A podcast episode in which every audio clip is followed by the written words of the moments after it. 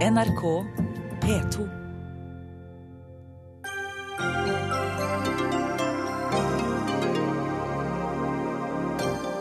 Flere drept da militæret åpnet ild mot Morsi-tilhengere i Egypt i ettermiddag. Stadig flere EØS-borgere får støtte fra Nav.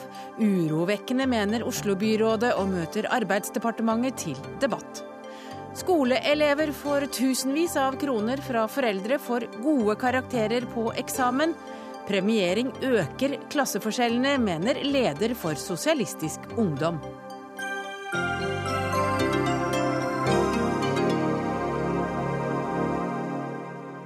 Ja, Det er noen av sakene du får høre mer om i Dagsnytt 18, her vi også får besøk av statsminister Jens Stoltenberg, som lurer veldig på hvorfor AUF-lederen vet så mye om all flørtingen på sommerleir ved Tyrifjorden. Velkommen til Dagsnytt 18. Jeg heter Hege Holm. Og vi skal aller først til Egypt, for urolighetene fortsetter etter maktovertagelsen onsdag. I ettermiddag kommer det meldinger om at soldater har åpnet ild mot Morsi-tilhengere. Og reporter Jan Espen Kruse i Kairo, hva vet du mer?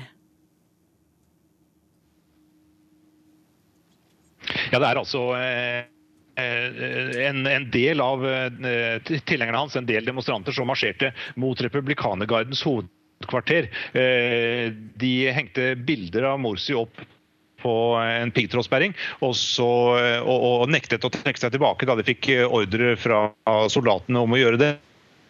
Og Det endte altså med at soldatene begynte å skyte skyte eh, på disse demonstrantene. Det er litt uklart om det er én eller tre eller flere som har blitt drept. Eh, det er i hvert fall flere som skal ha blitt eh, skadd i dette her. Og det kan vel ikke kalles annet enn ganske vanvittig å, å marsjere mot soldatene, provosere soldatene i den situasjonen som er nå i Kairo.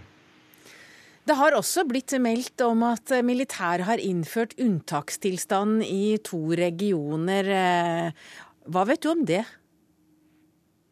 Ja, Det er veldig motstridende meldinger om akkurat det. det ifølge noen meldinger så er det i Sina i hvert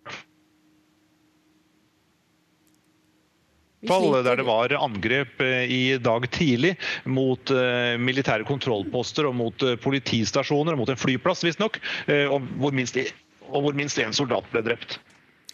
Det har vært eh, demonstrasjoner rundt omkring i Kairo i dag, og det var jo varslet eh, at det ville bli store demonstrasjoner i forbindelse med fredagsbønnen, men har det vært det? Ja, de har vært helt kolossale. Ved hovedmoskeen, som det muslimske brorskapet eh, kontrollerer, der var det titusener, hvis ikke hundre vi sliter litt med telefonlinjen, eh, Jan Espen Kruse, så jeg tror vi bare prøver å ringe deg opp igjen. Og så snakker vi heller med de gjestene som vi har i studio, inntil vi får deg på en bedre linje. Bjørn Olav Utvik, eh, du er professor i Midtøsten-studier ved Universitetet i Oslo, og du sier at nå står Egypt ved et vippepunkt. Ja, det står eh, jo vet, altså det, Nå kan man si det allerede har vippa, altså fordi Morsi er, er avsatt. Men det står likevel med et vippepunkt for hvilken vei skal dette gå. Det finnes én versjon som man kan håpe på, som er den som veldig mange av eh, de som demonstrerte mot Morsi, håper på. At eh, det nå raskt skal komme i gang en prosess mot, eh, med en ny grunnlov som alle ble enige om, med presidentvalg og parlamentsvalg. At man skal få i gang en demokratisk prosess som også er inkluderende. Men eh, det er jo ikke sikkert, fordi de som sitter med makta nå, er militære. Og vi ser noen farlige tegn. De har stengt TV-stasjoner og aviser, de har, som, som da støtta eh, Morsi. De har eh, arrestert en rekke brorskapsledere.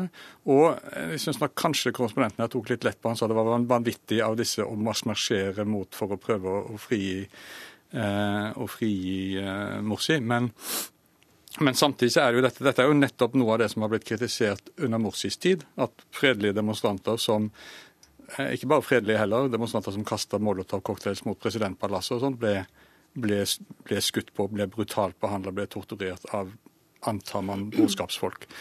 Når nå disse brorskapsfolka ut fra sin oppfatning mener at de har blitt frarøvet altså den valgte presidenten, og marsjerer for å uttrykke sitt syn og blir skutt, så er det klart at det er også et alvorlig tegn. Sånn at eh, det, raskt, eller, jo mer som skjer av det, da, jo dypere graves grøftene, jo lengre tid vil det gå før en forsoning er mulig. Og jo vanskeligere vil det også bli å få til en, en, en fredelig prosess nå mot uh, nye valg. Nå har vi med oss Jan Espen Kruse igjen, og du var i ferd med å fortelle oss uh, hvordan dagen hadde forløpt i, rundt omkring i Egypt. Ja, eh, det er altså eh, demonstrasjoner eh, mange steder i mange regioner, mange byer. Sånn at dette er ikke noe som er isolert til hovedstaden. Det ser ut til å være ganske bredt opprør som er i gang mot de nye, nye myndighetene. Og om det er unntakstilstand eller ikke, det er litt uklart, som sagt. Men situasjonen ser altså ut til å bli enda mer spent. Og dette med at når noen nå har blitt skutt og drept, så kan eh, islamistene eh, argumentere med at nå må de hevne seg, nå må de slå tilbake. og Det kan gjøre situasjonen enda mye mer dramatisk og alvorlig. I går fikk jo Egypt en midlertidig president. Eh, hva skjer videre med det mange kaller neste steg i revolusjonen? Ja, han har, opplyst, han har oppløst et kammer i nasjonalforsamlingen til, da, det som inntil nå har fungert han utnevner noen eh, nye ledere, ny etterretningssjef osv. Men eh, vi vet ganske lite hva som kommer til å skje i tiden framover. Det avhenger jo helt av eh, hvor omfattende urolighetene blir, hvor omfattende voldsbruken kommer til å bli her. Det de håper på, er naturligvis at løftet om nyvalg skal, komme, skal føre til at det blir mer stabilt og blir mer rolig. Men det er jo ingen garantier for det, sånn som situasjonen er nå. Takk til deg, Jan Espen Kruse fra Kairo. Unni Wikan, du er professor eh, i sosialantropologi ved Universitetet i Oslo. Og du har også mange venner og kontakter i Egypt. Har du, kommet, eh, har du fått kontakt med dem i ettermiddag? Ja, jeg har vært i kontakt med flere i ettermiddag. Eh, folk som står på hver sin side av det veiskillet som Bjørn Olav Utvik peker på, som jeg er helt enig i den analysen han ga. Ehm, noen, de som var mot Morsi, de jubler og syns at det som nå har skjedd, er et steg i den riktige retningen. Det er for å få demokratiet på fote i Egypt. Men Morsi og brorskapet hadde jo veldig mange tilhengere. De var jo det partiet som fikk størst eh, oppslutning rundt eh, valget for eh, et par år siden, og de hadde presidenten. Så det er Noen jubler, og andre gråter og er fortvilt. Det er et dypt splittet land. Men når vi nå hører om skyteepisoder ja. hvor militære skyter tilhengere av det muslimske brorskapet, da nærmer vi oss vel en situasjon som snart er en borgerkrig? Uh, i, ja, det kan uh, se slik ut. De militære vil jo selvfølgelig forsvare det med at dette er for å unngå borgerkrig. Og jeg tror uansett, um, altså selv før de militære tok over, så har det jo vært en endeløs rekke av voldelige episoder i den uh, toårsperioden fra Mubarak ble kastet og til der hvor vi er i dag. Så det var å vente at det ville bli det. Men helt klart, det er uh, foruroligende Eh, hvis det er slik som Kruse rapporterer fra Kairo, og det er det jo all grunn til å tro, at eh, soldater nå skyter mot det. Det er eh, svært alvorlig. Jeg tenker at en, en alvorlig ting i seg sjøl er at dette altså en ting, Det er helt tydelig at det var nå en stemning i breie lag av folket for at Morsi måtte gå. Eh, man kunne tenkt seg at det kunne kommet i stand, eh, i hvert fall på et tidligere tidspunkt, det kunne kommet i stand ved et sånt voldsomt press som var, med demonstrasjoner og sånn, med krav om at han skulle utlyse tidlig presidentvalg. Det var jo kravet opprinnelig. Når dette tar form av at det er militæret som griper inn og avsetter Morsi, så skifter det med en gang karakter. Det, en ting er at det skaffer Egypt internasjonal fordømmelse, de blir utestengt fra Den afrikanske union, men mye viktigere er det jo at det betyr at Eh, at nå er det på en måte nullstilt igjen. Nå er vi tilbake der vi var like etter at Mubarak eh, falt. Man har ikke eh, folkevalgte institusjoner. Det å nå fram mot et demokrati, det vil jo måtte si at de som taper et valg, at deres målsetting blir å vinne det neste valget. Eh, men det på et tidspunkt, av gode eller dårlige grunner, men i hvert fall på et tidspunkt så valgte opposisjonen å bygge opp mot at de skulle styrte Morsi, ikke mot å slå han eh, i valg. Og da har vi fått den situasjonen nå, og da er det altså store grupper som føler, og det har de jo forstått rett i, at militæret altså har avsatt en folkevalgt eh, president, og, at nå, og, og, hvis de nå blir Det, det kommer noen, noen ord fra den nye presidenten om at brorskapet nå var velkomne til å delta i å bygge det nye landet. Det vil nok være vanskelig på kort sikt, men, eh, men man kunne håpe på det. Men for hvert skudd som faller nå, for hver avis som blir stengt, så blir den prosessen mot en forsoning vanskeligere. Vi hører nå at den midlertidige presidenten Mansour han oppløser deler av parlamentet. Hva betyr det? Det betyr at eh, det var, et, det, var et, det, første frie valget etter Mubarak fant sted i eh, altså, ja, slutten av 2011, begynnelsen av 2012. Da valgte man et underhus og et overhus til parlamentet. Allerede i juni, eh, og, og brorskapet og andre islamister kom til å dominere. Allerede i juni i fjor så ble underhuset, det viktigste organet, oppløst, men så sitter overhuset igjen er, eh, og, de har nå hatt lovgivende myndighet, som betyr at man nå fjerner de også, så at det ikke er noe parlament. Uh, igjen uh, grunnleggende enig med Bjørn Olav Utvik. Men jeg vil ikke si at vi er tilbake der vi var da Mubarak ble kastet for to år siden. Det har skjedd betydelige eh, positive prosesser i retning av demokrati i Egypt i den toårsperioden. Folk har virkelig fått en ytringsfrihet og de bruker den. Eh, det er eh, de opposisjonen som var splittet på til 50 partier ved siste valg til nasjonalforsamling. Alt ser ut til nå at de samler seg i mye mindre grupperinger. Jeg tror, skjønt jeg deler all denne bekymringen, så tror jeg likevel at det er at man er kommet ett skritt videre, Um, som kan få denne demokratiske prosessen inn i et godt spor. Eh, klart det er uheldig at eh, de militære måtte på banen, men forrige gang gjorde de det for å ta makten selv. Denne gangen har de gjort det, tror jeg, virkelig for å gi makten videre til folkevalgte organer og president.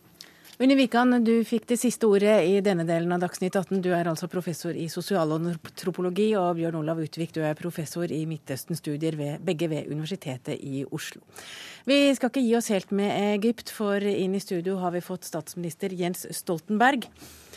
Du er egentlig kommet hit for å snakke om eh, noe langt lystigere, nemlig AUFs sommerleir. Men eh, når du først er her, så må jeg jo spørre deg også. Vi har akkurat snakket om Egypt og fått en, eh, en rapport fra hvordan det står til der, og vi hører jo det er mye dramatikk. Hæren skyter på tilhengere av det muslimske brorskapet. Og i deler av Egypt er det kanskje unntakstilstand. Hvordan oppfatter du situasjonen? Jeg oppfatter den som eh, veldig usikker og veldig uavklart. Og det er alvorlig i et eh, stort land, i et land med mye spenninger. Eh, og det er ikke slik at vi har sett siste kapittel i den som nå utspinner seg. Vi må være forberedt på at det kan skje mye, og at det er veldig uavklart hva som kommer til å bli utfallet. Men det virker jo som den vestlige verden sitter veldig stille i stolen og venter. Det har ikke kommet mange fordømmelser, og vi har ikke sett så veldig mange reaksjoner. Men det henger nok sammen nettopp det jeg sier, nemlig at det er eh, vanskelig å fullt ut tolke det som nå skjer. Eh, det er ikke svart-hvitt, det er ikke én side som har rett og en annen side som har eh, feil. Eh, Morsi var jo demokratisk valgt, men samtidig så evnet han ikke å bygge et demokrati. Eh, å trekke med eh, flere politiske strømninger, bygge institusjoner og skape det demokratiet som også viser respekt for mindretallet. Eh, og så ble det økonomisk veldig alvorlig tilbakeslag, eh, og det utløste store reaksjoner mot hans eh, regime. Og så ble han avsatt med militær hjelp, men samtidig så har militæret understreket at det skal være et midlertidig nytt styre. At de jo ikke innsatte et militært styre, men et sivilt styre. Og at det skal bli valg. Og helt avhengig om dette faktisk skjer, så tror jeg historien om det som nå har skjedd de siste dagene, vil Eh, blir vurdert veldig ulikt eh, i lys av om det går i en demokratisk retning, eller om det går i en ny totalitær retning. Hvordan forholder Norge seg til det som nå skjer? Så Vi har veldig tett eh, kontakt med både posisjon og opposisjon i Egypt, i den forstand at vi har hatt tett kontakt med den gjennom hele den arabiske våren. Utenriksministeren var jo blant de som besøkte president Morsi mens han var president. Og den norske ambassadøren har også hatt kontakt med egyptiske myndigheter i dag. Så vi følger det nøye. Snakker også med våre allierte for å være mest mulig oppdatert i forhold til både det som skjer i Egypt, det er viktig for egypterne. Men det er også viktig for oss alle, For dette er en region som er veldig spent. Det er spent i Syria, det er spent i Nord-Afrika. Og det er et område av verden hvor vi vet at det lett kan bli farlige konflikter som også angår oss andre. Det er det vi sier om Egypt i denne sendingen fra Dagsnytt 18, med mindre det skjer noe mens vi holder sending. Men du er her jo egentlig for å snakke om noe annet, for du har vært på tur i dag. Du har vært ved Tyrifjorden, og du har vært på besøk på AUF sommerleir, og vi skal høre litt her. Ja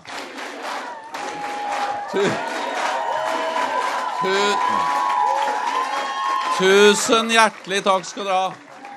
Kjære alle sammen. Det er utrolig godt å få lov til å holde en politisk tale til AUF-ere på sommerleir igjen. Det er eh, veldig fint å se at AUF er mer engasjert, sterkere og mer livskraftig enn eh, noensinne. Og det er veldig flott å få lov til å være her. Ja, her hørte vi altså, det var vel som bestilt dette her. De ropte fire nye år. For mange av de ungdommene du snakket med i dag, så er vel du den eneste statsministeren de kan navnet på omtrent i deres levetid. Så, og de vil ha deg fire nye år. Men eh, årets AUF-leir på Gulsrud i Buskerud, det er altså den første AUF-leiren for hele nasjonen etter terrorangrepet på Utøya 22.07. i 2011. Og hvordan var det å være tilbake? Det var en veldig flott opplevelse. Det var stor stemning, det var masse ungdom, det var politikk, det var diskusjoner. Det er eh, ferie med fotball og konserter og diskotek og dans og alt det som hører til en sommerleir med mange unge mennesker. Så Slik sett så var det helt normalt, og det var egentlig veldig fint å se at AUF har liksom gjenvunnet det å kunne arrangere en eh, sommerleir. Uh, og jeg tror at AUF er opptatt av at det skal være normalt. At det ikke skal være en minneleir. Uh, vi skal ha minnemarkering 22.07. Uh, men samtidig så er det jo annerledes. For det er ikke der det pleier å være. Det er ikke på Utøya, det er et annet sted ved Tyrifjorden. og det er jo noe som ligger bak i hodene på alle som deltar. at men hvorfor er det så viktig å ikke snakke så mye om det og på en måte fjerne fokus fra det jo veldig mange tenker veldig mye på. Ja, men jeg tror det handler om å finne en balanse. Eh, det handler om å uh, kunne gjennomføre en leir som er en normal leir. Det er også veldig mange ungdom som ikke var til stede i 2011, men som er på leir, på vei, på leir for første gang, uh, kan delta og være med. Men samtidig selvfølgelig ikke glemme. Eh, fordi det er mange mennesker som mistet livet. Det er deres pårørende, deres nærmeste. Mange av de som er på den leiren, har jo mistet noen av sine nærmeste venner. Og mange av de som er på den leiren, kommer til å leve med skader, sår, resten av livet. Synlige og usynlige. Eh, og jeg opplever at AUF søker den balansen nettopp i et ønske om å gjennomføre en mest mulig normal sommerleir. Eh, og samtidig forberede seg på en ny minnemarkering 22.07. Og det normale er jo at statsministeren kommer, og for mange er det da det normale at du kommer. Og du sa i talen din at det er viktig at AUF-erne minner, minner, seg om at miljø og, klima, hvor viktig det er. Og du snakket også om fattigdom, og du snakket om fred. Hvilken politisk funksjon har en sommerleir i AUF? Den har den funksjonen for det første at AUF kan sette dagsordener, stille krav. De møter eh, sant, regjeringsmedlemmer, statsminister, partiledelse og kan formulere sine ønsker og krav til dem. Det er en del av en stor politisk dialog, diskusjon som utvikler politikk.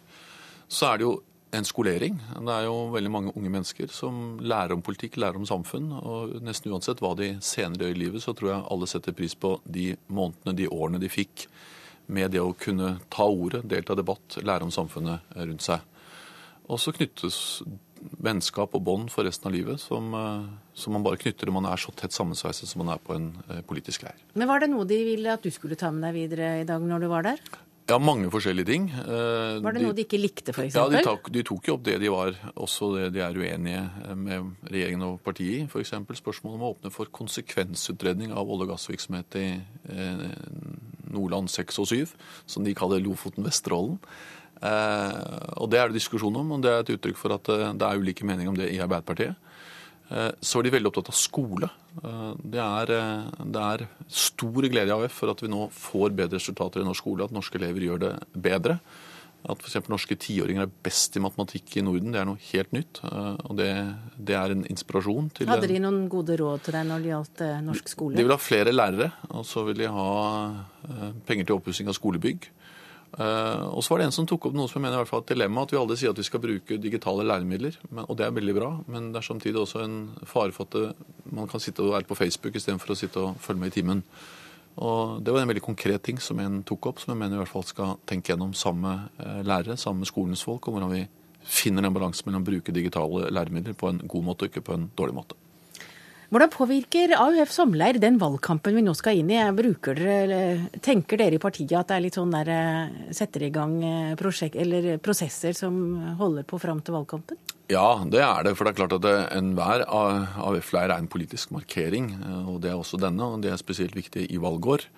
Jeg pleier ofte å si at valgkampen begynner egentlig først i august. For i Norge er det sånn at det er ikke full valgkamp i juli. Da er det sommer, og folk er ikke så veldig mottagelige for vanlig valgkamp. Men eh, en sommerleir-AUF er en mobilisering, er en skolering og en markering som en del av den politiske valgkampen Arbeiderpartiet fører. Er det en spesiell sak du maner til eh, mye oppmerksomhet om i dag?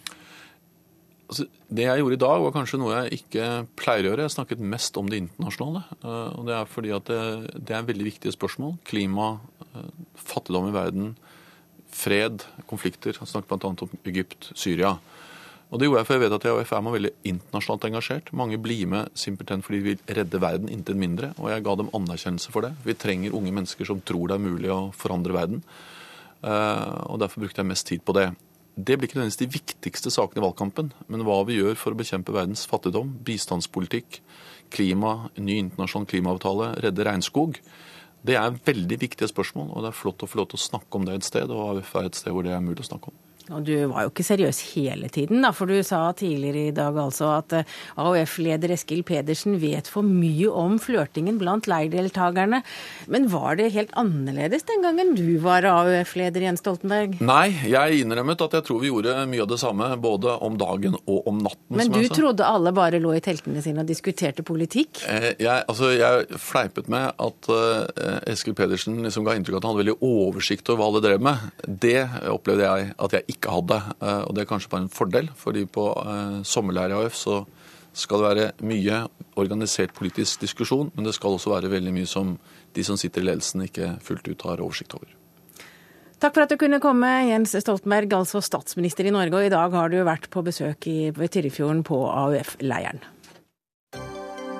Hør Dagsnytt 18 når du vil, på nettradio eller som podkast. nrk.no – dagsnytt 18.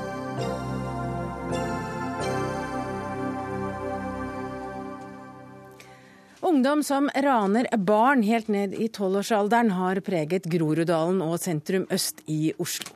På seks uker er totalt 25 saker anmeldt, og en av de som har opplevd å bli ranet, det var din stesønn, Frp-politiker Christian Tybling Gjedde. Nå må du forklare oss, hva var det som skjedde med stesønnen? Min stesønn hadde vært på eh, kino. Eh, dette var jo eh, ikke i Groruddalen, men det var på Majorstua. Og så hadde han på vei til å prøve å gå hjem. Eh, og så ble han eh, ranet sammen med noen venner på eh, parkeringsplassen utenfor Frognerbadet. Dette er nå tre-fire år siden. Da begynner saken opp at den blir aktuell igjen. Men det gjorde mye med han. Hva var det de tok? Mobiltelefonen og alle pengene. Og så kanskje det som har gjort sterkest inntrykk på han, var at de truet med å, drepe dem dersom de sa fra hjemme. Og dette syns ikke du går an. Nå vil du gjerne at man skal gjøre noe med det. Hva vil du, hva tror du kan få slutt på barneran?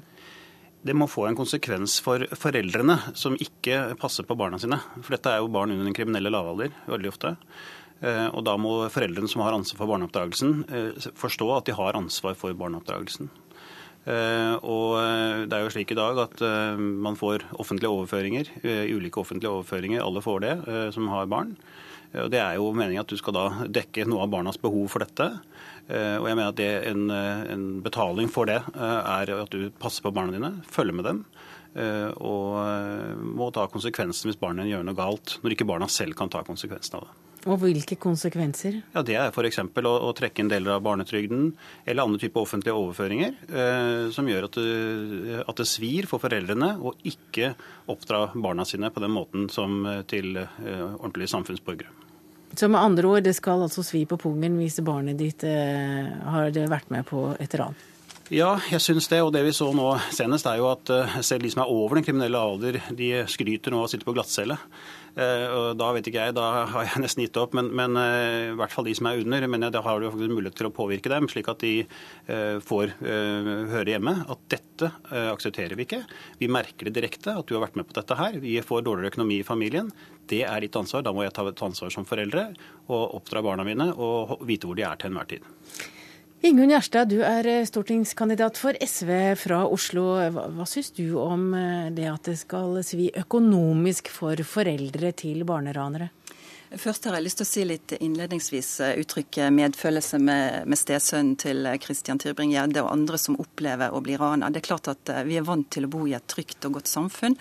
Eh, og det er et sjokk å oppleve sånne ting. Min sønn opplevde det samme for noen år siden. Og vi skal ikke ha det sånn, vi må sette inn tiltak.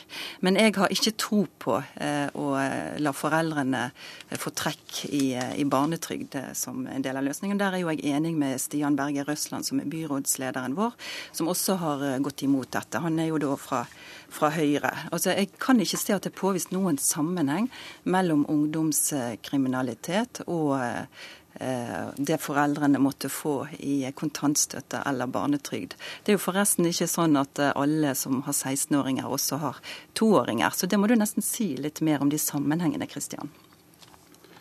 Altså, hvordan man skal gjøre dette i praksis. Jeg mener at på en eller annen måte så må det svi økonomisk for foreldrene, og må finne en praktisk løsning på den. Man kan godt finne en juridisk eh, forordning på dette. Eh, det er altså at politikerne på Stortinget som vedtar lovene, så sånn sett så skulle det ikke være noe vanskelig å gjøre det med det hvis man vil. Men man må ha viljen, og åpenbart så har ikke min meddebattant eh, viljen der, og da er det veldig vanskelig å få det til. Men, men barneran er jo ikke noen ny hendelse. Har, barn har blitt rant i mange år i denne byen. Og, og det er helt åpenbart at, at straffen ikke er så stor at det er preventivt? Det kommer jo med jevne mellomrom. Det kommer gjerne på denne tiden. Det var et sånt raid for noen år siden også.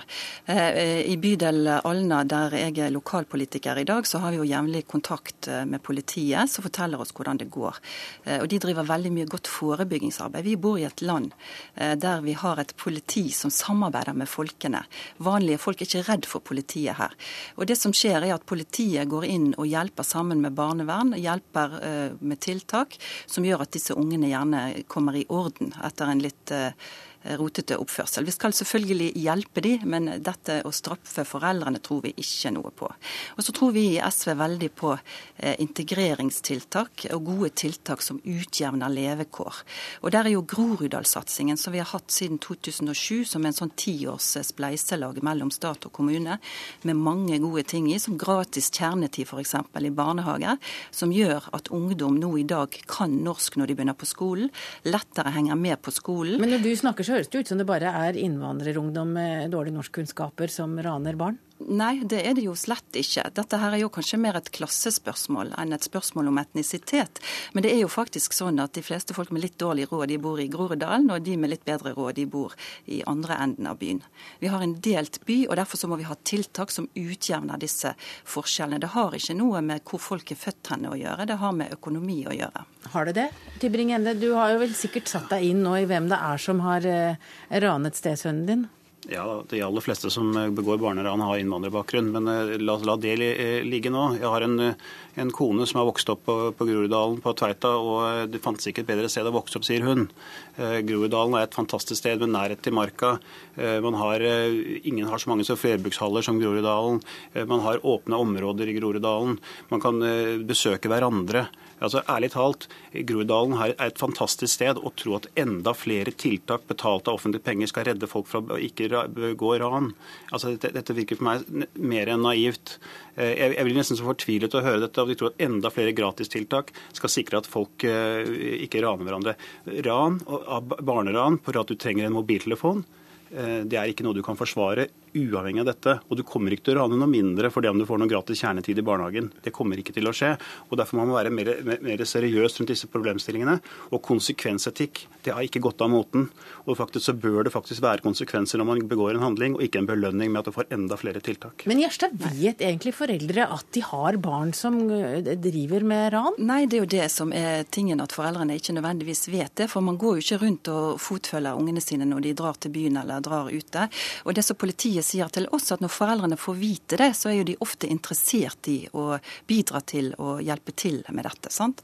Men jeg mener at skolen, når jeg sier at vi skal styrke barnehagene sånn at folk får norskkunnskaper, styrke skolen med nok lærere til at det blir lærelyst, og at folk klarer å gå gjennom skolen, det er jo en viktig ting. Eh, og det å ha yrkesskoler som gjør at folk eh, gjennomgår en utdanning som gjør at de kommer ut i arbeid, og at ikke de faller av lasset underveis. Derfor har jo vi vært så opptatt av arbeid og utdanning som virkemidler. Eh, og så tror vi ikke at å straffe økonomisk Skal du f.eks. ta barnetrygden ifra en direktør på vestkanten fordi han ikke kan komme og hente eh, sin rusungdom når han er blitt taua inn? Det var jo et problemstilling i Eh, for noen uker siden at veldig mange foreldre fra vestkanten ikke kunne komme og hente ungene sine hos eh, politiet når de eh, ringte de opp. Skal du ta barnetrygden fra han for at han ikke følger opp? Ja, gjerne for meg. Jeg synes ha konsekvens. Jeg synes at man skal ha en konsekvens. Jeg bryr meg ikke hvor de kommer fra. Om du kommer og har bakgrunn fra Afghanistan, Somalia, Pakistan eller Holmenkollåsen, det spiller ingen rolle for meg. Så lenge du er et barn og du kan straffe seg politiet og du begår kriminelle handlinger, så mener jeg faktisk at du må få en konsekvens for de som har ansvar for å oppdra barna. Og, og jeg sier at dette er er stor grad innvandrere når det gjelder barneran. Stor grad eh, barn av innvandrerforeldre. De kommer altså fra eh, den rene, skjære fattigdommen og gjerne nesten sult og er forfulgt, eh, hevdes det i hvert fall. Og så kommer de da til Groruddalen, som må være en perle på jordkloden hvis du bor i en, en by i Afghanistan eller på landsbygda i Pakistan. Og så, og så sier man det er fordi man ikke har nok fritidsklubber at de begår ran. Forstår du ikke, Ser du ikke at dette er en en veldig liten sammenheng. Det har også noe med den hierarkiske eh, kulturen innad i en innvandrerfamilie, hvor det er far som er sjef, det er sønn som er nummer to, det er mor som er nummer tre, det er datter som er nummer fire. Sånn er det. Og, og mor har veldig liten kjennskap til samfunnet rundt seg, litt fordi at innvandring har skjedd så fort at vi ikke har hatt muligheten Men nå er vi ganske langt eh, ute på landet ved Groruddalen, uh, og langt fra barneran. Men uh, Gjerstad, du er, ikke for, du er ikke for bøter. Du er for de gode, snille tiltakene. Du tror på det gode mennesket, bare de får et sted å være og et sted hvor de kan være sammen med hverandre. Men, men, men mener du at det er et problem, eller tror du bare det er eh, noe som går over? Jeg vi vil ikke at det skal være ran, selvfølgelig, men det er relativt lite ungdomskriminalitet i Norge i forhold til veldig mange andre land rundt oss. Og det må vi fortsette å jobbe forebyggende for at det skal være slik. Og en måte å jobbe forebyggende er å sikre at unger gjennomfører skolen. Og derfor sier jeg disse Groruddalstiltakene, som var SV sitt forslag i sin tid, er jo nettopp forebyggende. Det er der vi må gå inn og jobbe mer, og der har vi gode resultater. Og så kommer det noen bølger sånn som nå, så må enhver forelder se dette i avisen og snakke med ungene sine og si at sånn vil ikke vi at du skal gjøre det. Jeg vil ikke at uh, samfunnet skal bare oppdra ungene. Det skal selvfølgelig være foreldrene som har et ansvar, men jeg tror ikke at å ta fra de barnetrygden er måten å gjøre det på. Det hører jo ingen steder hjemme. Jeg tror ikke dere blir enige. Takk til Ingunn Gjerstad, stortingskandidat SV, for SV fra Oslo, Christian Tybring-Gjenge, stortingsrepresentant for Fremskrittspartiet.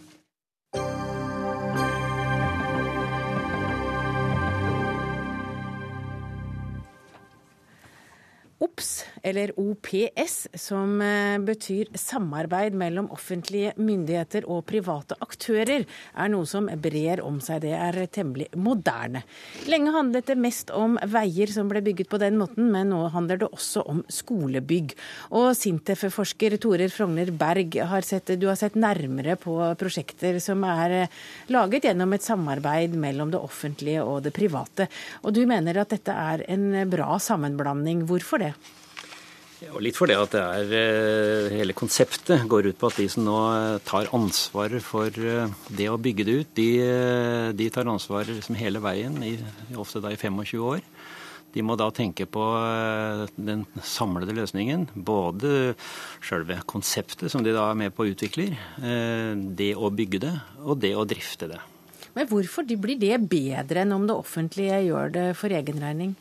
Ja, Det behøver ikke nødvendigvis å bli bedre hvis du har gode aktører i alle ledd når det offentlige gjør det sjøl. Men hvis vi tenker på si, alle kommunene vi har, og også litt grann de knappe ressursene du ofte har til å forvalte og drifte, så kan det være riktig å sette dette her, eller koble det i en, i en kontrakt, som da vil kunne være en sånn OPS-kontrakt. Men Hvordan fungerer det da i praksis? Det private bygger og tar ansvar, mens det kommunale leier? Det kommunale leier, ja. Og det er ofte slik altså det kommunale stiller tomt for eksempel, til rådighet, slik at det, de private de eh, bygger skolen, eller skoleanlegget. De tar ansvaret for å drifte det, renhold ofte og også de tingene her. Slik at skoleetaten da leier dette tilbake for sitt, sitt formål. Marianne Aasen, du er stortingsrepresentant for Arbeiderpartiet, og du leder også utdanningskomiteen. Du vet om flere slike prosjekter der erfaringene ikke er så gode, så du, du, du deler ikke hans positive holdning til OPS. Hvorfor det? Nei, altså Det offentlige og det private samarbeider jo absolutt hele tiden. Man, for, ved at det offentlige kjøper tjenester av private, og alle offentlige bygg i Norge bygges av privat byggenæring. Pusses opp av privat byggenæring. Men det jeg og Arbeiderpartiet er kritiske til, da, eh, det er at eh, at det private skal eie, finansiere, drifte, vedlikeholde bygg og anlegg, og så at det offentlige skal leie. Og Hovedårsaken er en, en enkel grunn, og det er at det koster mye penger. Og Da har jeg lyst til å sitere finansministeren i, eh, i Sverige, Anders Borg, som eh, kommer fra eh, Høyres søsterparti, Moderaterne, og som sier at vi handler ikke på krita. For det er det man egentlig gjør. Det er som om jeg etter denne sendinga skal dra bort på bohus, får lyst på en veldig fin sofa. Har ikke råd til å kjøpe den akkurat nå, men det står jo der at handle nå og betale om et år. Når den regninga kommer om et år, så er den ikke den samme som den jeg tok i dag, hadde tatt i dag. Alle vet at det koster mye mer penger. Og Anders Borg sier at det koster 25-30% mer penger. Og da begynner vi å snakke om ganske store utgifter som framtidige politikere er nødt til å håndtere. Og så har Berg et godt poeng når det gjelder oppussing. For det mener jeg norske politikere, både i kommune og stat, ikke har vært flinke nok til å ta med i beregningene. Det bør lages planer for rehabilitering og oppussing som man følger systematisk. Så Der Men, kan man lære noe av det private, rett og slett? Absolutt. Det kan godt tenkes at denne debatten også får mange til å skjerpe seg på det punktet. fordi at det å skyve på den type regninger koster mye penger, det også. Men det er jo fordi politikere skal velges igjen, og det ja, er grådig usexy med oppussing og vedlikehold. Derfor så bør velgerne belønne de som også satser på det. fordi at det som, Når politikere velger denne løsningen, så abdiserer det litt. De sier at OK, vi kaster korta, dette klarer vi ikke helt, la de private overta. Men det kommer til å koste ganske ganske mange flere millioner. Det bryr vi oss ikke så mye om, for det er framtidas skattebetalere som må betale det. Svein Harberg, du er stortingsrepresentant for Høyre, og du er også medlem av utdanningskomiteen. og Du mener at eh, en, en sånn samrøre mellom det offentlige og det private, det er en ren vinn-vinn-situasjon. Hva er det du ser som ikke Aasen ser? Ja, altså For det første så er det jo som begge de foregående sier, at dette er jo en modell som brukes overalt. Altså private bygger for kommunen, de gjør arbeid for kommunen. Så den type samarbeid har vi hele tiden. Og kommunen leier lokaler til mange ting når de ikke finner det tjenlig å investere i de lokalene sjøl. Eh, det som er poenget, det er jo det at eh, hvis det var sånn at en satt med kontanter på bok og skulle vurdere om en skulle bygge skole eller ikke, så hadde jo regnestykket til Marianne Aasen vært riktig. Men det er jo ikke det som er tilfellet i dag. Kommunene sitter jo med en gjeldsgrad som er betydelig. Og da må de vurdere hvordan de skal bruke de midlene de har til rådighet. Og da kan du si ja, får vi mest uttelling av å investere i et skolebygg? Eller får vi mest uttelling av å investere i innholdet i skolen? Lærerne, ressurser. Vi vet jo det at investering i kunnskap er jo kanskje det som gir aller mest avkastning. Men koster det mer, slik Marianne Aasen sier? Ja, Det, det er òg litt sånn som kan diskuteres. For det OPS er ikke en sånn fasit. Det er en modell for hvordan en kan løse ting. Og så kan det legges mange variabler inn, mange ulike faktorer med, med hva som skal betales hvordan og sånn. Det er ikke alltid sagt at alt skal betales i ettertid til full rentebelastning. Men hvis du får en annen avkastning på å bruke de pengene på en annen måte, så er det klart at det er interessant for kommunene. Og her sitter det kommunepolitikere og administrasjon i kommunene rundt og gjør disse vurderingene. Og de gjør gode vurderinger. Og så er det dette poenget da, at Historisk så har ikke Kommune-Norge vist seg å være gode forvaltere av eiendom. Der er vi i hvert fall enige. Ja, altså jeg synes det det er litt til å bruke dårlige altså kommuner med, med stor gjeldsbyrde som eksempel. Det vet vi jo i hvert fall hvis, hvis jeg hadde hatt skyhøy gjeld, og det var derfor jeg hadde lyst på den sofaen, og kjøper den på kredittkort, ja da vet vi alle åssen det går. Da blir man jo gjeldsslave. Det blir jo bare verre av at kommuner med dårlig økonomi eh, setter seg i den situasjonen og bare skyver på regningene, sånn at de som kommer etter, må betale Eh, enda mer. Det men gode skolebygg har man jo bruk for alltid. Ja, men da må vi gjøre bevilge penger til det. Og Forrige uke var Jens Stoltenberg, Trond Giske og Jonas Gahr Støre eh, hadde de pressekonferanse og lanserte 20 nye milliarder eh, låneordninger for kommunene, nettopp for å få rentefrie lån.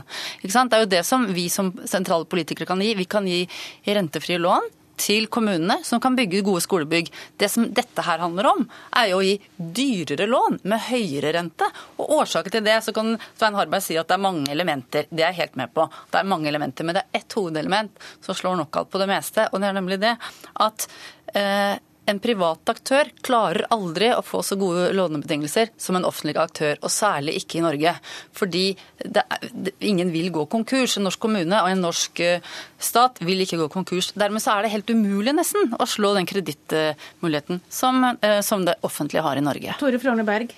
Du er jo på en måte dommeren her, da. Forskeren. Ja, kanskje litt å ta i det, da. Men eh, det som vi undersøkte her for noen år siden når det gjaldt en par skoler som ble bygd i Oslo, det var jo da var eh, det var et finansieringsselskap som på en måte da egentlig ble stående som eier av, av skolebygget. Og de sa også at det, her er det billigere penger å låne i det offentlige enn det er i det private.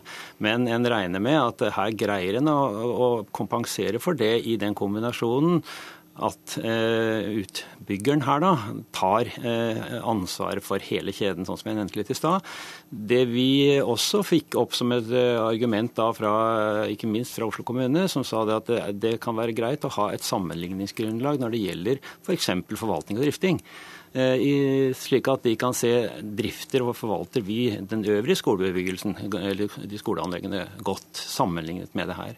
Så Det er det nok litt interesse for i andre kommuner også. Så er det, det, er jo et element som er vanskelig å prissette, og det er verdien av å ha gode lokaliteter og gode forhold. Eh, vi ser jo det på disse avtalene, også på, på andre samfunnsområder der vi har eh, OPS-avtaler at vedlikeholdet er veldig viktig. Det bygges slik at en reduserer faren for feil og mangler, og en reduserer vedlikeholdet. Og det blir gode forhold for de som arbeider der, de som skal studere der. Og Det er jo en verdi som, som sjelden er med i disse regnestykkene. Det at du går på en skole der det er gode inneklimaforhold, der det er gode arbeidsforhold for de ansatte, og du er trygg på det. Og Forutsigbarheten også i forhold til det er jo viktig for en kommune. Ja, det kan være det koster litt mer i forhold til om du hadde lånt de pengene der og da og gjort det. Men så har du alle de andre faktorene som altså er pluss i det regnestykket. Og Det viktigste for oss er jo ikke å si at dette skal gjøres på den måten eller på tradisjonell måte. Kommunene kan velge det ene eller det andre, og så er det elevene og læringsutbytte som står i fokus. Og som vi hørte Jens Stoltenberg sa for noen få minutter siden, så var det et av de viktige poengene til ungdommene på AUF-leiren ved Tyrifjorden, var nettopp å få bedre skolebygg. Og Det var det vi rakk av den debatten i dag. Takk til Marianne Aasen, stortingsrepresentant for Arbeiderpartiet og leder av kirke-, utdannings- og forskningskomiteen. Tore Frogner Berg, forsker ved Sintef, og Svein Harberg, stortingsrepresentant for Høyre.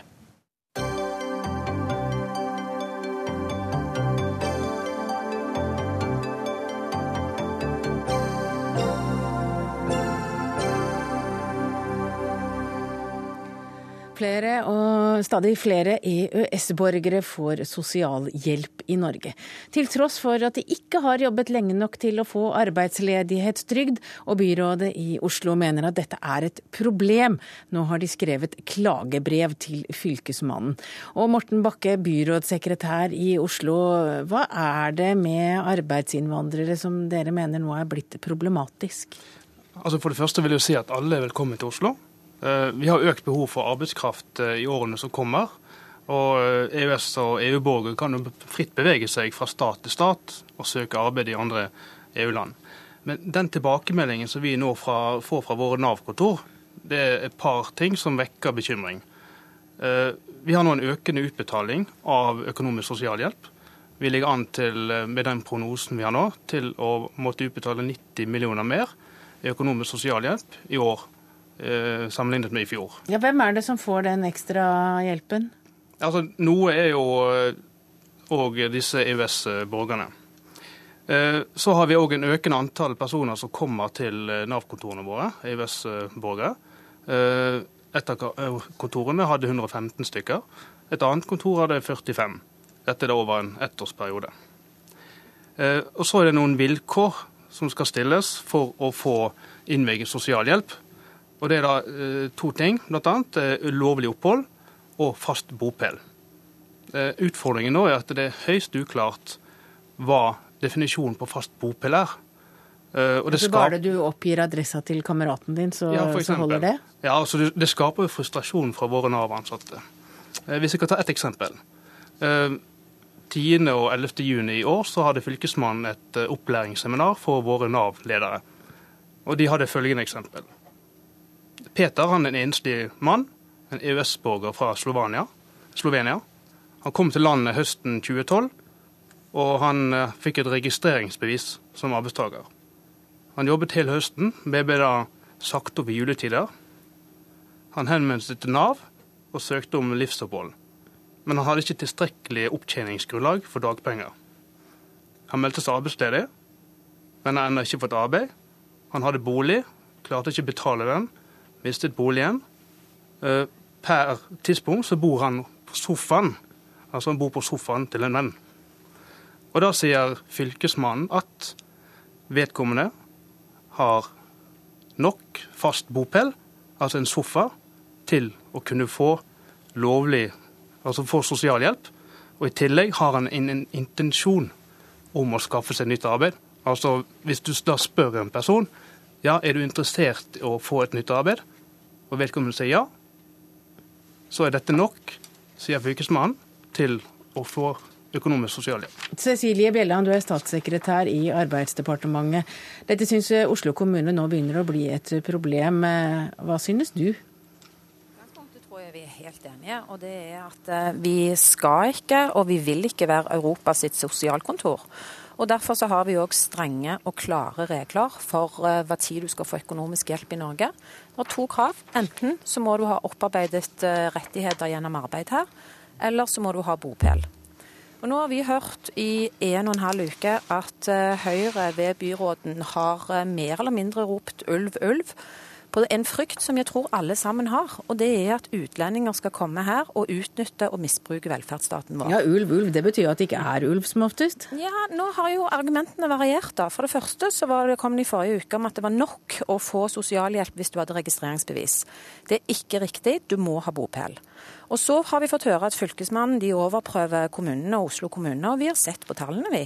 Og da ser vi at i 2011 så var det altså 14 klagesaker, og ingen av de ble overprøvd eller omgjort.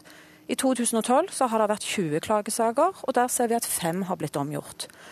Og så er det sånn at det å ha bopel, det er nødvendigvis skjønnsmessig. For dette er det siste sikkerhetsnettet som du har for de som bor her. Men det er et krav om at du skal bo her i så fall. Og der er det en rekke kriterier som skal vurderes. Og jeg kan godt være enig i at det er skjønnsmessig og at det kan være vanskelig. Men derfor så har vi òg vært veldig eh, på tilbudssiden i forhold til opplæring. Nå, Bare siste året så har altså Oslo og Akershus fått eh, to tilbud om opplæring. og På det siste møtet som, eh, som byrådssekretæren selv refererte til, så var det altså 217 saksbehandlere som var med for å vite nærmere om hva er kriteriene. Men Bjelland, når jeg hører deg nå, så, så, så sier du altså at du mener dette ikke er noe problem? At dette er et problem som Oslo bare blåser opp? Jeg tror at vi skal være veldig oppmerksomme på hva som skjer i forhold til økonomiske ytelser generelt. For vi har et arbeidsmarked som er i endring. Vi er internasjonale etter hvert. Og derfor er det så viktig at vi følger opp. Derfor er det òg viktig at vi gir hjelp, men at vi har klare krav i forhold til hvem som kommer her. Og da kan jeg si om at dette med bopel, det er ikke én ting. Og det høres jo rett og slett horribelt ut i forhold til at du skulle kunne få det hvis du, hvis du, ligger på en sofa og ellers ikke har noen annen tilknytning i Norge, for det stilles langt mer krav enn det. Du skal kikke på om du er folkeregisterregistrert, om du har familien din her, om du betaler skatt her, om du har en permanent bolig, og det er ikke en sofa. Om du har plan og formål med et opphold her, og om du rett og slett har tilknytningen til Norge som er så sterk at du dermed kan òg få økonomisk stønad. Det høres ut som du har gjort det litt enkelt, Bakke, når du eh, forteller om historiene. Altså, Den historien er jo hentet, det er jo fylkesmannens eget eksempel. Dette er ikke noe vi har funnet på. Dette er fylkesmannens eget eksempel fra det seminaret. hvor de mener at en sofa hos en venn er definisjonen på nok fast bopel, pluss at vedkommende har intensjon om å jobbe. Men er det et enkelttilfelle da, Bjelland? Ja, nå kan ikke jeg gå inn på akkurat det tilfellet, for det kjenner jeg ikke til. Men jeg konstaterer en ting, og det er at Oslo siden 2009 så har de konstant hatt nedgang i forhold til sosialhjelp, og det er kjempebra. Men vi skal være oppmerksomme. Oslo hadde altså 18 273 stykker som fikk sosialhjelp i 2012. Og det at vi da har en økning på 45 noen steder, 115 personer andre steder, er selvfølgelig noe vi skal være oppmerksomme på. Og Derfor er regjeringen òg tydelige på at vi skal stille krav når du får sosialhjelp. Vi skal følge nøye med, og vi skal endre reglene der vi ser behov for det. F.eks. dette med at eh, nå går det ut et eh, notat på høring i høst der vi krever eh, at det skal sjekkes om du i det hele tatt har rett til å oppholde deg i Norge før du kan få noen sosialstønad. Og når Fylkesmannen reagerer, så, så regner jeg med at det er også ting dere får beskjed om i departementet, Bjelland? Vi holder jo et nøye eh, oppsyn på hva som skjer på utviklingen her, men så har jeg lyst til å si en ting. og det er at vi skal være glad òg for at vi har en klageordning via Fylkesmannen. Og det er eh, en del av den rettssikkerheten som vi har som borgere i Norge, om at eh, du har en mulighet til å få overprøvet vedtakene dine. Og det er der mange mange tusen hvert eneste år som bruker, og det tror jeg alle òg setter pris på, at du får en second opinion. Ikke bare saksbehandleren din som skal avgjøre på eget skjønn, men at det er noen andre som tar en second opinion på det. Det var det du fikk si. Du fikk siste ord. Cecilie Bjelland, statssekretær i Arbeidsdepartementet. Og takk til deg, Morten Bakke, byrådssekretær i Oslo.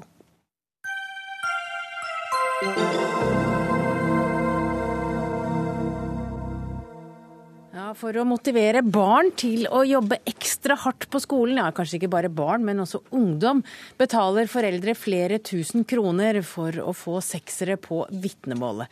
I Dagens Næringsliv i dag kunne vi lese om 18 år gamle Embla Bergli som fikk 10 000 kroner av mor og far for de gode karakterene hun har fått på videregående.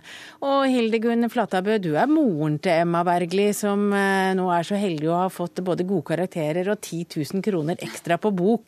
Hvorfor valgte dere å betale Embla for karakterer?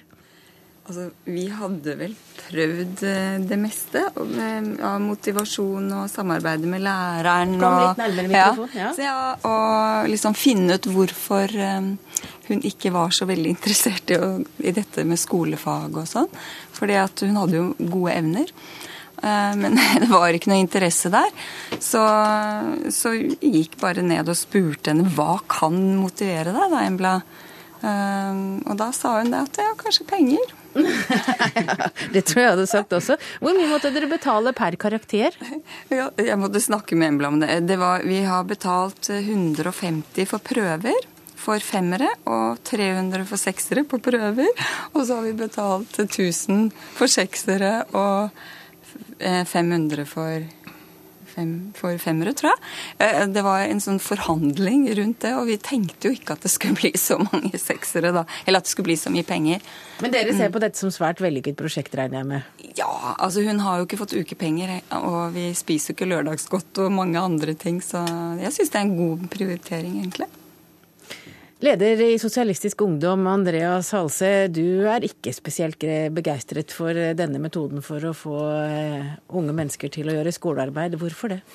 Nei, altså, først må jeg bare si at uh, Hver familie står jo fritt til å gjøre de valgene man selv vil. Men jeg mener at det her viser jo at vi har eh, forskjeller i Norge, der noen familier vil ha muligheten nettopp til å belønne barna sine på den, på den måten som vi hører her, mens en del andre familier ikke vil ha uh, den muligheten. Så det som er viktig da, er jo at vi sikrer eh, en skole som har f.eks. en eh, altså ordninger hvor alle får lov til å være med på turer uten egenandeler, hvor alt utstyr er dekka osv., osv., så sånn at det ikke blir en klar klasseforskjell der. Og så må jeg bare si at jeg også er litt skeptisk til en utvikling i samfunnet vårt der absolutt alt skal belønnes med penger. Eh, At jeg skjønner veldig godt den motivasjonen, og jeg, eh, jeg selv også opplevde opplevd å få småpenger fra tid til annen da jeg var yngre. og det er klart det Altså så er det jo vesensforskjell mellom noen, noen hundrelapper og en Mercedes f.eks., som jeg leste om tidligere i dag, at noen hadde fått for å få et godt, eh, godt vitnemål. Men eh, at, eh, jeg er litt skeptisk til en utvikling der man eh, bare for å gjøre rett og slett det som er plikta si, skal alltid belønnes med, eh, med penger. At det tror jeg ikke nødvendigvis er den beste lærdommen til, til livet etterpå. Men hvis nå ikke skolen klarer å opprettholde motivasjon for læring hos elever, og eleven sjøl sier mm, kanskje litt penger, og da virker det? Ja, ja, altså jeg tror at det kan helt åpenbart virke, eh, og det ville garantert virka, virka på meg, så jeg har veldig stor forståelse for at enkelte tar den beslutninga. Men det eneste jeg sier er at eh, jeg er skeptisk til en trend der man skal belønnes i penger for å gjøre det som, det som egentlig er en plikt. Så jeg tror at det også kan være en litt sånn eh, dårlig lærdom til senere i livet. At man tror at man automatisk skal få penger for å gjøre det som egentlig forventes av deg, som bare, som bare skulle mangle egentlig, å gjøre skolearbeid og gjøre, gjøre som man skal. Ja, leder i Unge Høyre, Paul Joakim Sandøy. Hva mener du, hva syns du om det at eh, unge skal premieres med penger for å få en god karakter? Jeg vil egentlig ikke mene noe om hvilke virkemidler foreldre bruker for å motivere sine egne barn. Eh, Og grunnen til det er at noe av det viktigste for meg i politikken er nettopp det at politikere ikke skal sette seg ned ved kjøkkenbordet og si hva som er gode og dårlige valg av foreldre. Men nå har, vi nå, nå har du kommet hit da, for å mene jo, noe om det. jeg bare, jeg bare tror, jeg, tror at det er viktig, for det heter, det heter moralisme, og det skal vi styre unna. Men, men så er spørsmålet er dette liksom et problem for norsk skole. Eh, og det mener jeg at det ikke er. Uh, Utfordringa i norsk skole er jo ikke dette. Utfordringa i norsk skole er at hver femte elev går ut av skolen uten å kunne lese og skrive skikkelig. Det er at hver tredje elev faller av. Eh, og da er det kanskje det vi burde fokusere på, og ikke hvilke metoder foreldre velger for å motivere barna sine. Men, men når du da er ung og ikke klarer å få den motivasjonen i skolen, og foreldrene blir helt fortvila, da er det jo en siste utvei? Ja, det er jeg full forståelse for. Altså, det er mange forskjellige måter foreldre bruker å, for å motivere barna sine på. Noen har kanskje litt mindre, altså at man, man velger middag eller reisemål sjøl. Andre, kanskje mest irriterende varianten, er jo å ringe alle slektningene og skryte av hvor flinke barna sine er. Det er mange forskjellige måter å gjøre det på. Men jeg tror bare altså det, det som vi vet funker, er foreldre som aktivt bryr seg om hvordan barna gjør det på skolen, som engasjerer seg i skolehverdagen, som hjelper til med leksene, særlig når man er yngre, og som følger opp elevene dersom de sliter. Og det tror jeg vi skal være glad for. Men Halsa, du mener jo litt mer, for du mener jo rett og slett at dette er i ferd med å dette skape klasseskiller også, som på en måte går langt utover bare hver enkelt familie? Ja, altså jeg mener nok mer at Det viser at det er klasseskiller. At noen familier har råd til å betale flere titalls tusen kroner for elever for at barna sine gjør det bra på skolen. Det er helt åpenbart at ikke alle familier har muligheten til det. Og Da mener jeg at det er veldig viktig at vi sørger for et, tilbud, et offentlig tilbud som er bra, som alle har mulighet til å delta på. At det f.eks. må slutte å være sånn at på enkelte yrkesfaglige linjer så må elevene betale av egen lomme for, for å få lov til å delta, osv. osv. At det man kan, kan vitne en tendens til, hvis mange får mye penger hjemmefra, er jo at noen som har foreldre med god økonomi, kan bruke all sin tid på skole, mens folk som har foreldre med dårligere økonomi, eh, er avhengig av å jobbe mye ved siden av skolen, og dermed få mindre tid å bruke på skolen. Jeg må bare si at jeg synes aller at det er herlig å høre Sosialistisk Ungdom ha så stor tro på økonomiske insentiver. For det burde man jo ha kanskje litt andre områder i politikken òg.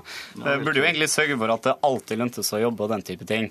Men eh, jeg, jeg eh, mener at dette er et litt sånn utdatert klasseperspektiv, som egentlig daterer seg til før andre verdenskrig. Det er jo ikke sånn at det er størrelsen på lommeboka til foreldrene som avgjør karakterer til barna. Eh, og det vet man, så Hvis man leser én forskningsrapport de siste årene, så ser man at det er lengden på utdannelse. Eh, Det er, det er eh, ikke minst eh, hvor mye tid og energi foreldrene bruker på utdanninga til elevene. Det er ikke de elevene som er problemet. De elevene skolen må hjelpe, er de elevene som ikke får den oppfølginga hjemmefra. Hildegrun Flatabø, hadde du noen betenkeligheter sånn prinsipielt, du er også coach, da du valgte å betale datteren din for gode karakterer? Mm.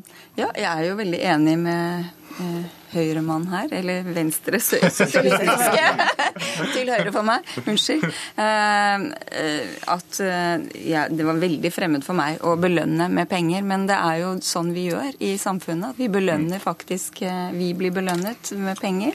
Så vi viste jo da at vi satte veldig pris på henne, og vi, hun fikk ikke ukelønn. Vi sparte. Det har du sagt tidligere. Og sendingen vår er slutt. Takk for at dere kunne komme. Hildegunn Flatabø, du er altså mor til Emba, Emla Bergli. Paul Joakim Sanne, leder for Unge Høyre, og Andreas Halse, leder for Sosialistisk Ungdom. Og jeg heter Hege Holm. Teknisk ansvarlig var Lisbeth Sellereite, og ansvarlig var Siri Hytten. Og vi høres igjen på mandag.